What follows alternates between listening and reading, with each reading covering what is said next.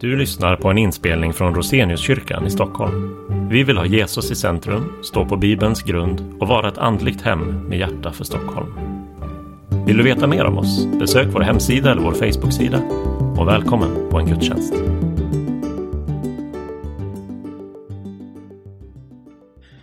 Dagens predikan handlar om Simson och om Guds styrka. När jag förberett den här predikan så har jag verkligen varit tvungen att brottas med texten och att brottas med den urstarke Simson. Det är inte så lätt.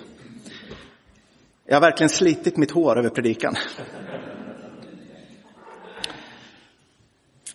Domarboken är den bibelbok som beskriver en av de mest fallna och gudsfrånvända tiderna i folkets historia, i Israels historia. Vi är på väg mot den absoluta botten. Simson är en djupt trasig människa, en kvinnokarl med till synes omättlig sexaptit. Samtidigt så är han kallad till helighet av Gud och han får sin styrka från Gud, även i sin mörkaste stund. Och jag har funderat på hur kan jag göra upp med domartiden och hur kan jag göra upp med Simson? Vad kan jag hitta i hans liv som jag kan förkasta och ta avstånd från? Vad förstår vi och vad vet vi som Simson missade? Och vad, vad lyckas vi med i vår kyrka som Israels folk misslyckades med under domartiden? Men desto mer jag studerar texten, desto färre skillnader ser jag mellan domartiden och vår tid. Att brottas med Simson, att brottas med domartiden, att vilja göra upp med den, det är också att brottas med vår egen tid och oss själva. För att vi ska få ett bra grepp om berättelsen om Simsons liv har jag delat in den i tre delar. Kallelse till helighet, folket och Simson överger sin kallelse och sist Guds trofasthet. Så vi börjar med att läsa några verser ur Domarbokens trettonde kapitel. Israels barn gjorde åter det som var ont i Herrens ögon och Herren gav dem i filisternas hand i 40 år. I Sorga levde en man som hette Manoa. Han var av daniternas släkt. Hans hustru var ofruktsam och hade inte fött några barn. Men Herrens ängel uppenbarade sig för hustrun och sa till henne, se, du är ofruktsam och har inte fött några barn, men du ska bli havande och föda en son. Se nu till att du inte dricker vin eller starka drycker eller äter något orent. För se, du ska bli havande och föda en son. Ingen rak kniv ska röra hans huvud, för pojken ska vara en Guds nasir redan från moderlivet. Han ska påbörja räddningen av Israel ur filisteernas hand. Sedan födde hans hustru en son och gav honom namnet Simson. Pojken växte upp och Herren välsignade honom.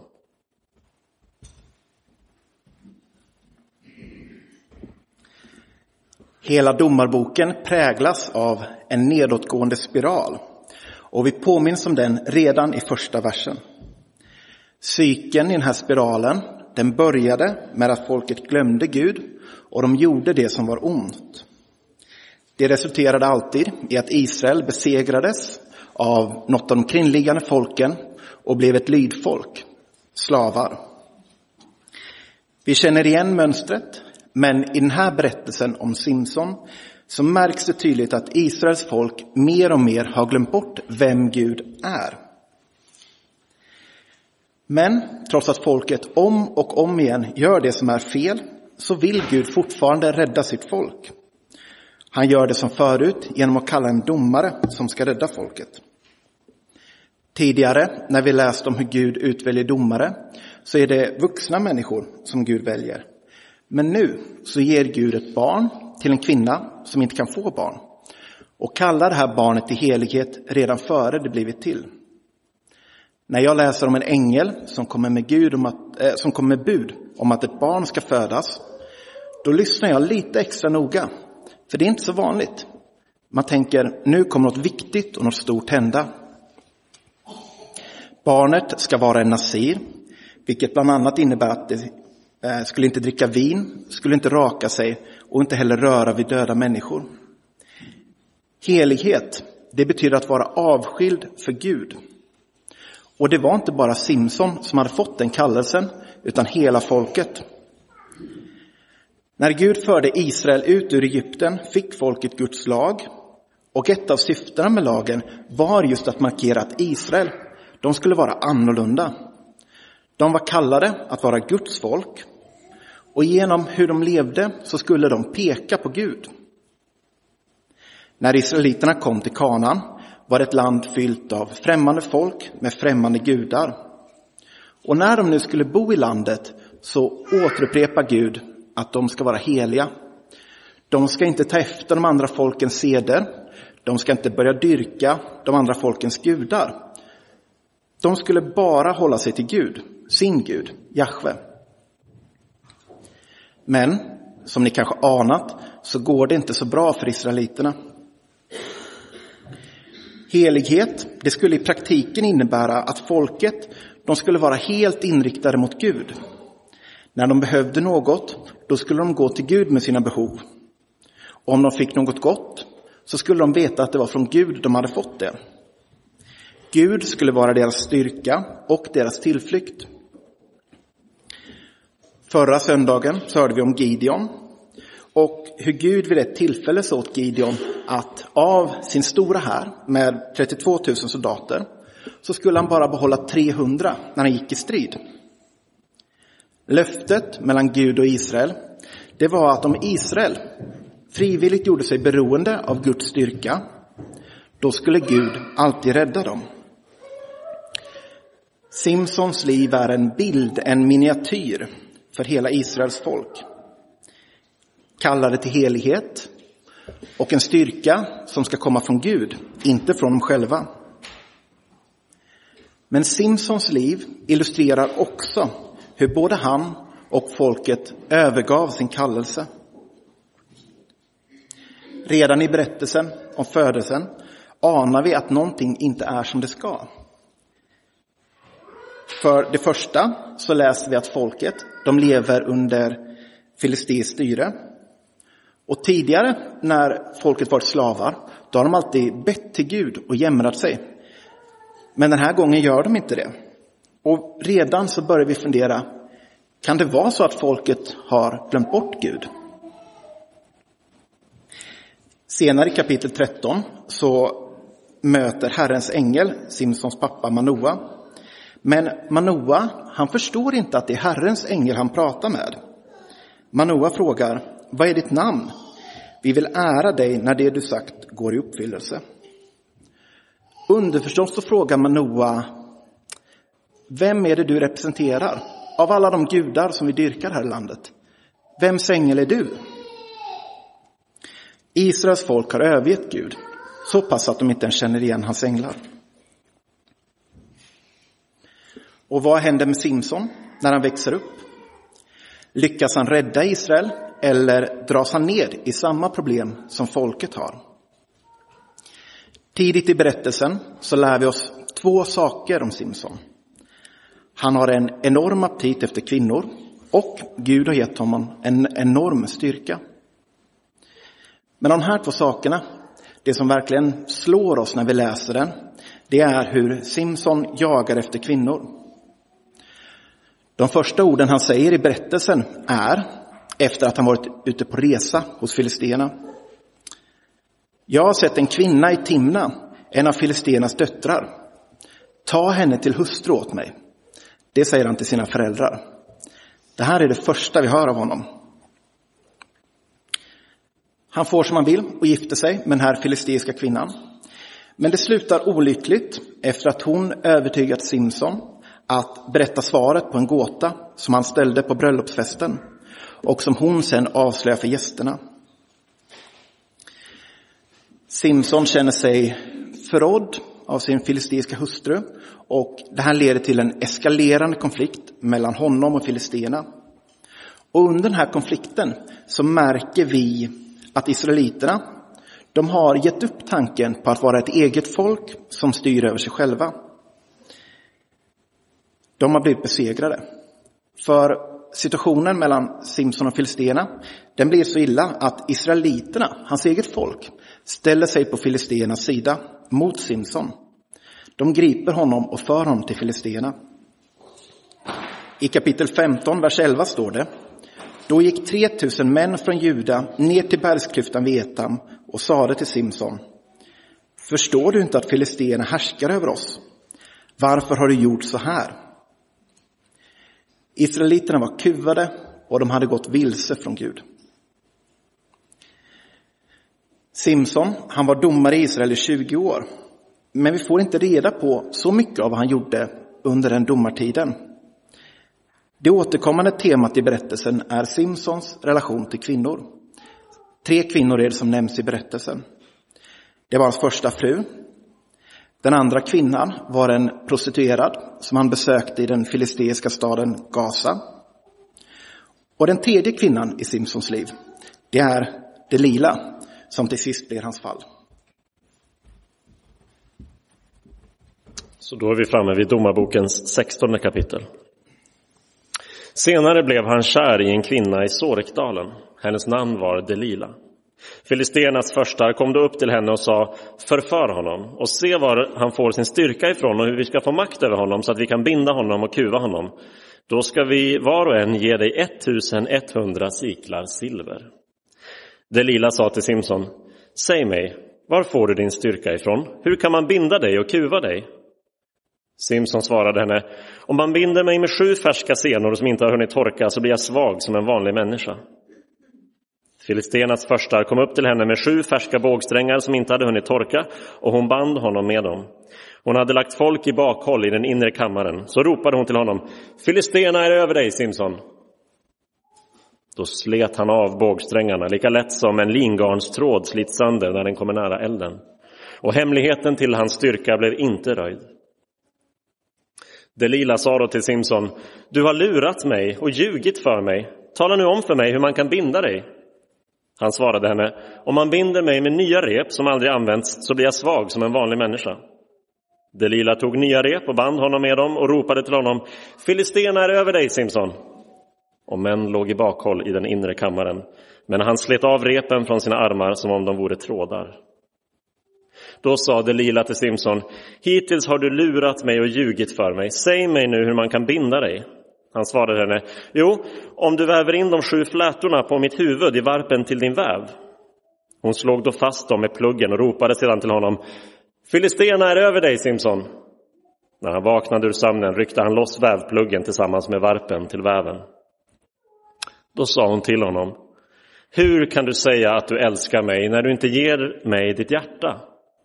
Tre gånger har du lurat mig och inte sagt mig var du får din styrka ifrån. När hon nu dag efter dag ansatte honom och plågade honom med sina ord blev han så otålig att han kunde dö. Då öppnade han hela sitt hjärta för henne och sa Ingen rakkniv har rört mitt huvud, för jag är en Guds nasir ända från moderlivet. Om man rakar av mig håret viker min styrka ifrån mig och jag blir svag som alla andra människor. När Delila insåg att han hade avslöjat hela sin hemlighet för henne sände hon bud och kallade till sig filisteernas förstar och sa Kom upp hit en gång till, för nu har han avslöjat hela sin hemlighet för mig. Då kom filisternas förstar upp till henne och hade med sig pengarna.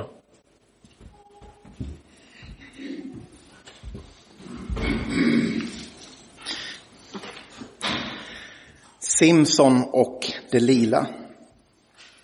Det är en berättelse som är ikonisk och den har gjort mycket avtryck i vår kultur.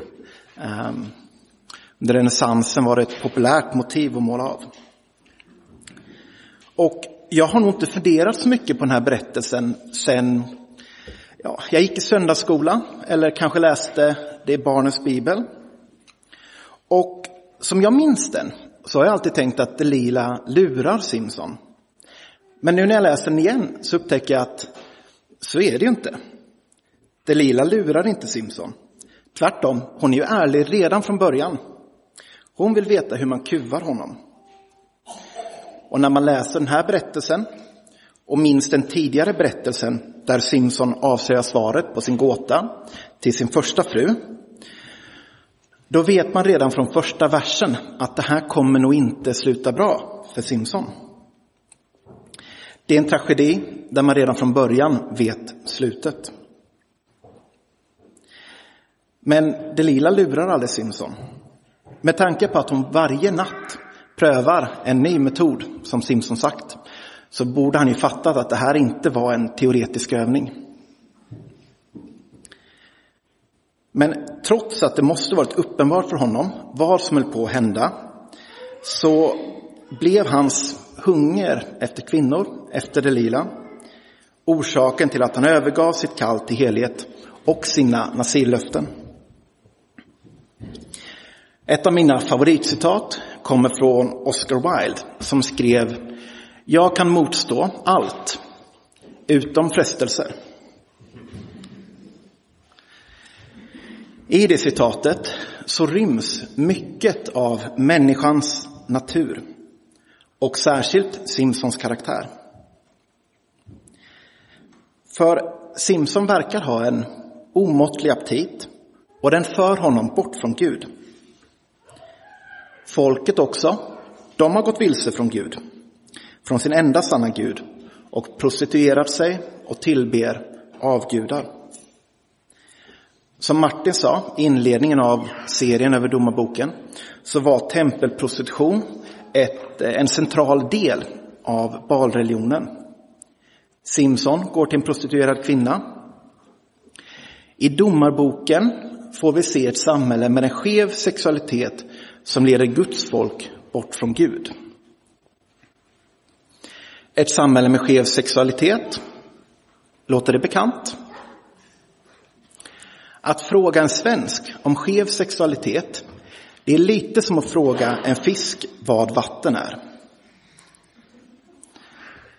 Det finns uppenbara exempel som jag kommer till, men jag har nog aldrig tidigare på djupet reflekterat över hur vårt samhälles bild av sexualitet och kärlek skiljer sig från Gud. Det kan mycket väl vara så att jag är sist här i församlingen att inse detta. Men när man verkligen på djupet granskar vår kultur så upptäcker man att de här falska, skeva bilderna och budskapen om sexualitet, de finns överallt. De finns i musik, de finns på tv, de finns i reklam, i böcker, i alla kulturuttryck som man kan tänka sig. Bibelns syn på sexualitet är egentligen ganska enkel. Att det är något gott inom äktenskapet mellan en man och en kvinna. Överallt i världen är den synen under angrepp. Och det är så normaliserat att i varje fall jag har slutat reflektera över det.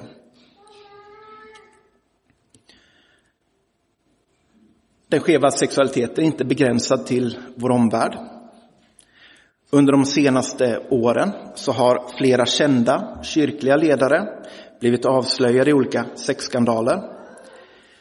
Det har skakat kyrkan som de varit ledare för och hela kristenheten. Skandaler i stora kyrkor i USA har blivit ett hett samtalsämne också här i Sverige. När Simson gav upp sin kamp mot sin sexuella hunger så ledde det till att det ledarskap och den räddning som Israel, Guds folk, behövde, det blev inget av det. Det kom av sig. När kristna ledare i vår tid hänger sig åt synden så skadade människor i kyrkan och Guds folk, som ska vara ett ljus för världen, det dras istället i smutsen. När Guds folk överger sitt kall till helhet, då skadas alla, både inom kyrkan och utanför. Och när vi pratar om sexualitet i samhället så måste vi prata om det här. Nästan alla har en smartphone idag och den som har en dator eller en smartphone har, om de vill, omedelbar tillgång till i princip obegränsade mängder pornografi. Jag kan fundera på hur Simson hade klarat sig i dagens samhälle. Han hade förmodligen klarat sig lika dåligt som många svenska män gör idag. Folkhälsomyndigheten gjorde 2017, så för sex år sedan, en undersökning om svenskars porrvanor. Det är mest män, men inte bara män, som tittar på porr. Bland samhället i stort så tittar var sjunde man på porr minst en gång i veckan. Bland män mellan 16 och 29 år så tittar 41 procent på porr minst tre gånger i veckan. Och bara 14 procent i den åldersgruppen säger att de aldrig ser på porr. Och även om det är män som kollar på porr så är det inte något som bara drabbar män. Folkhälsomyndigheten skriver i samma undersökning att en effekt av porr är en trivialiserande inställning till mäns våld mot kvinnor. Sexuell synd skadar hela församlingen, hela samhället, inte bara det som begår den.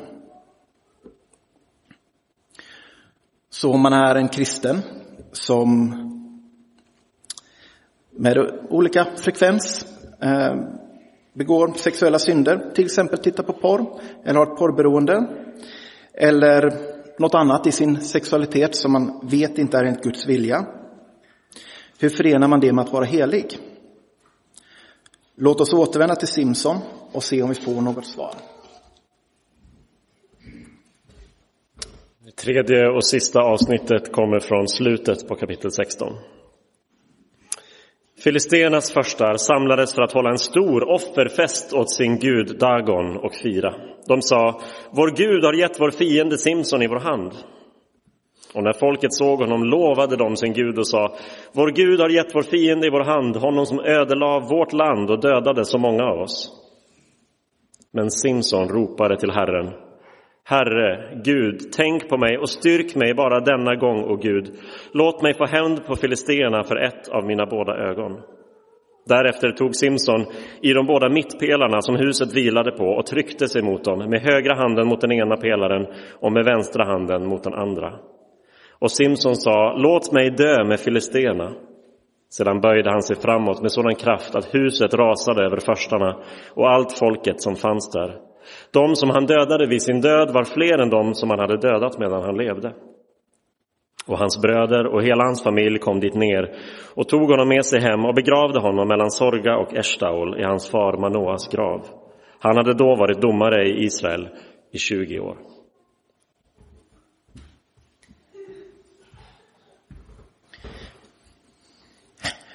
Simson är besegrad och filisterna har vunnit och de hymlar inte med orden. Det är deras gud Dagon som har vunnit över israeliternas svaga gud Jahve. Tidigare i domarboken har utgångspunkten alltid varit Israels folk. Men, och då har vi hört Israels folk hylla sin Gud för att de har vunnit seger över en avgud. Helt plötsligt är det som att rollerna är omvända och Dagon är den enda sanna guden. Om Dagon inte hade varit det, hur skulle han då kunna vinna över Simson som var Jahves förkämpe? För alla inblandade, Simson och Filisterna, Samuel som skrev ner domarboken och för de som först läste den, så var det en självklarhet att krigen mellan folk, det var en fysisk manifestation av en andlig kamp.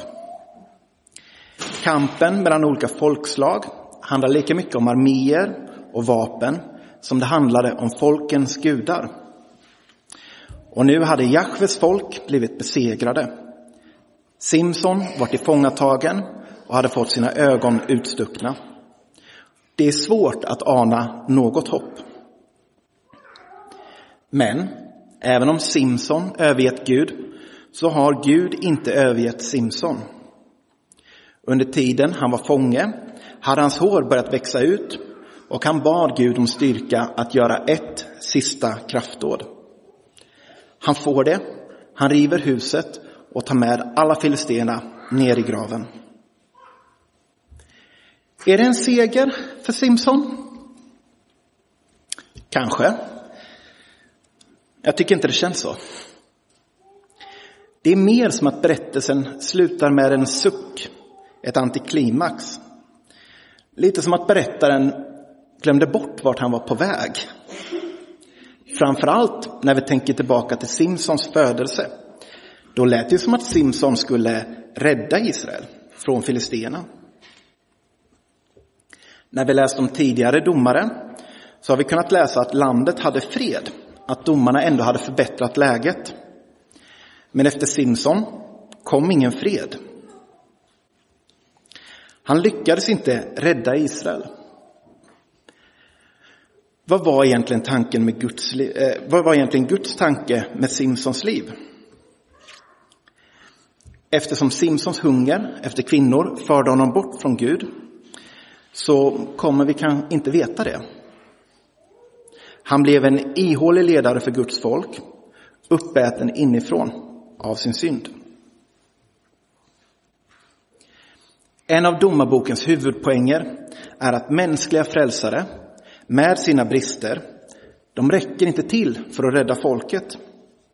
Hela domarboken pekar på behovet av en frälsare utan brist som en gång ska rädda folket. Den nedåtgående spiralen, den behövde brytas, men ingen människa var kapabel att göra det. Paulus skriver i episteltexten vi läste att vi är dyrt köpta.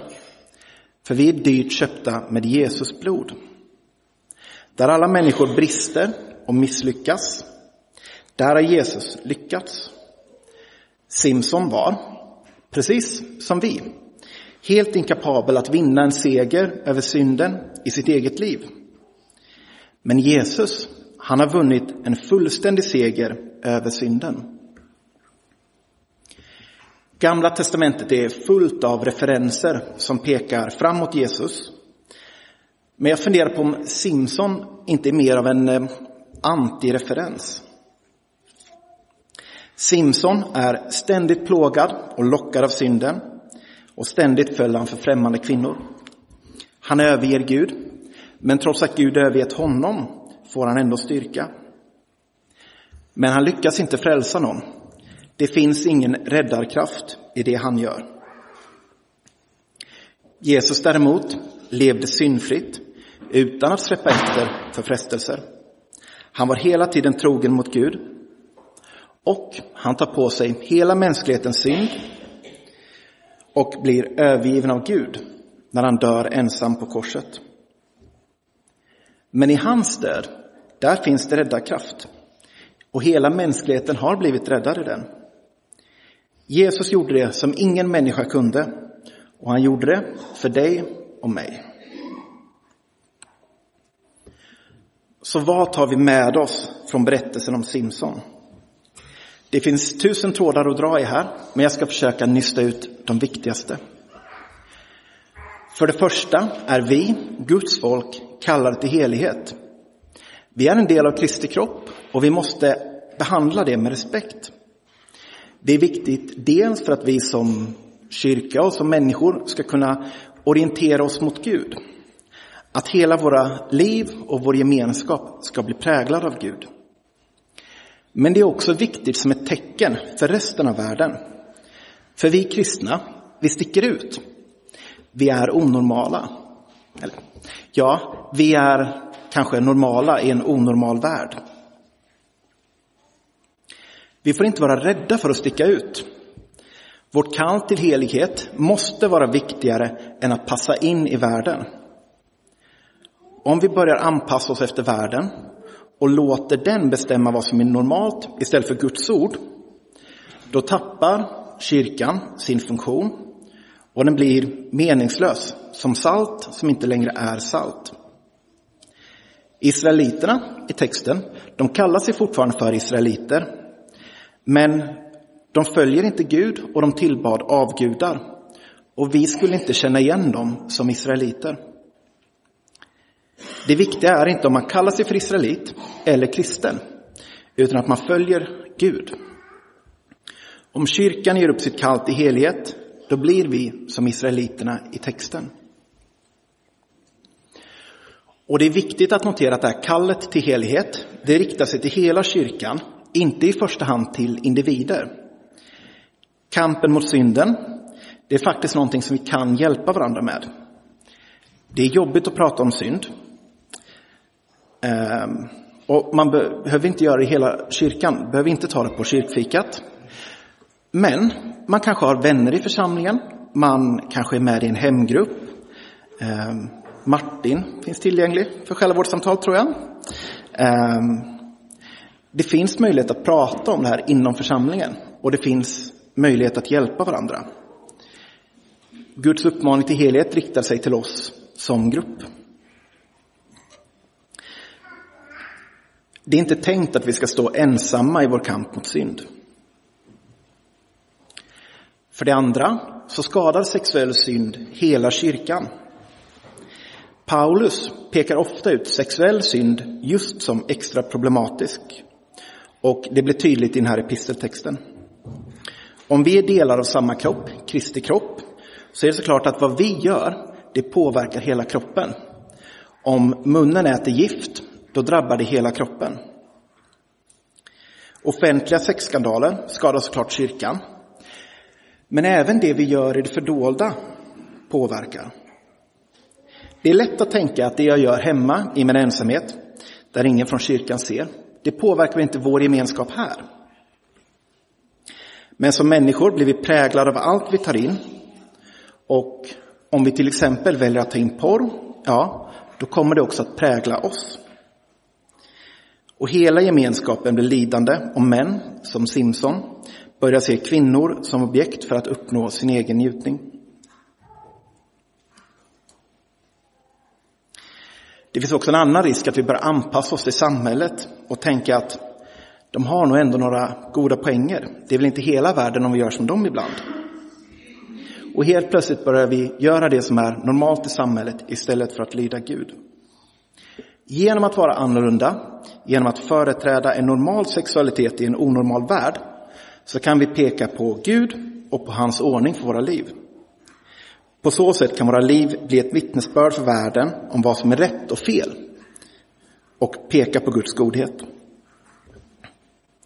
De här två sakerna, vårt kall till helighet och den skada som synden gör, det innebär att vi kan inte se mellan fingrarna på synd eller blunda för synden, varken i våra egna liv eller i vår gemenskap. Israeliterna, de hade gett sina hjärtan till avgudar. Simson, han gav sitt hjärta till Delila. Vad ger du ditt hjärta till? Ger du det till Gud? Eller finns det något område i ditt liv där du gett upp kampen mot synden och istället för att ge ditt hjärta till Gud så har du gett det till synden? Vi måste ta det på allvar. Men, som Oscar Wilde skrev, jag kan motstå allt utom frestelse. Det är ett bra citat, för först skrattar man till lite, men sen börjar i alla fall jag fundera och så applicerar man det på sitt eget liv.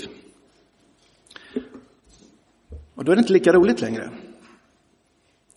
Vi är kallade till helhet, men vi är också syndiga människor. Paulus, som skrev episteltexten, skriver i Romarbrevet 7. Det goda som jag vill gör jag inte, men det onda som jag vill, det gör jag. Bibelns kall till helhet, det är allvarligt, men det är inte omänskligt. För Bibeln, den är skriven av en syndfri Gud, men den är skriven till oss, syndiga människor. Och Gud, han känner sin målgrupp. Gud känner oss alla på djupet och han ser rakt igenom oss. Han vet att vi är syndare. Han vet att vi inte kan göra något för att förbättra oss själva. Vi står mitt i en andlig kamp mot synden i våra liv och mot världens krafter som vill få oss på fall. Men då kommer vi till den tredje saken vi ska ta med oss från texten. Det är att det inte är vår uppgift att vinna seger över synden. Det kvittar vilken synd du begått, oavsett vilka frestelser du faller för eller oavsett hur ofta du gör det. Det är inte din uppgift att vinna mot synden. Gud kräver inte att du ska vinna mot synden. Om du kämpar med synd, ja, vi kämpar alla med synd, eh, oavsett vilken synd det är, så finns det två saker du inte får göra. Du får inte ge upp, men du får inte heller tro att det är du som ska vinna. Jesus och bara Jesus är den som har vunnit över synden. Du har inte vunnit, du kommer inte göra det heller. Men Jesus har vunnit och vi får göra hans seger till vår. Trots att vi mest gör självmål så får vi vara med på det vinnande laget. Trots att vi förlorar våra strider om och om igen så vinner vi seger. Jesus har besegrat synden och även om den fortfarande har kraftiga dödsryckningar så är den besegrad. Och vad det gäller det eviga livet som väntar oss, då kan synden inte skada oss. Den är helt maktlös. Hos Gud finns alltid förlåtelse, oavsett vad du gjort eller hur många gånger du gjort det. Oavsett var du finner dig själv, till och med det, om det är att du är fastkedjad inför dina fiender, du är förödmjukad och krossad av det som du hade sagt att du skulle kämpa mot. Även om du övergett Gud, så har Gud aldrig övergett dig. Det finns ingen synd och inget mörker som Gud inte kan rädda dig ur. Låt oss be. Tack Gud för att du är vår styrka. Tack Gud för att vi kan vara svaga och helt lita på att det är du som räddar oss. Hjälp oss att växa till i förtröstan så att vi bara litar på dig och inte vår egen styrka. Tack för att du har gett oss en seger över synden, att du har gjort det som vi inte kunde. Tack Gud för att vi får den utan att ha förtjänat den. Jag ber att du ska styrka din kyrka, styrka vår gemenskap här och styrka oss personligen i vår kamp mot synden. Jag ber att vi ska bli allt mer lika dig, att vi allt mer ska kunna visa på vilken god Gud du är i världen genom hur vi lever våra liv. I Jesu namn. Amen.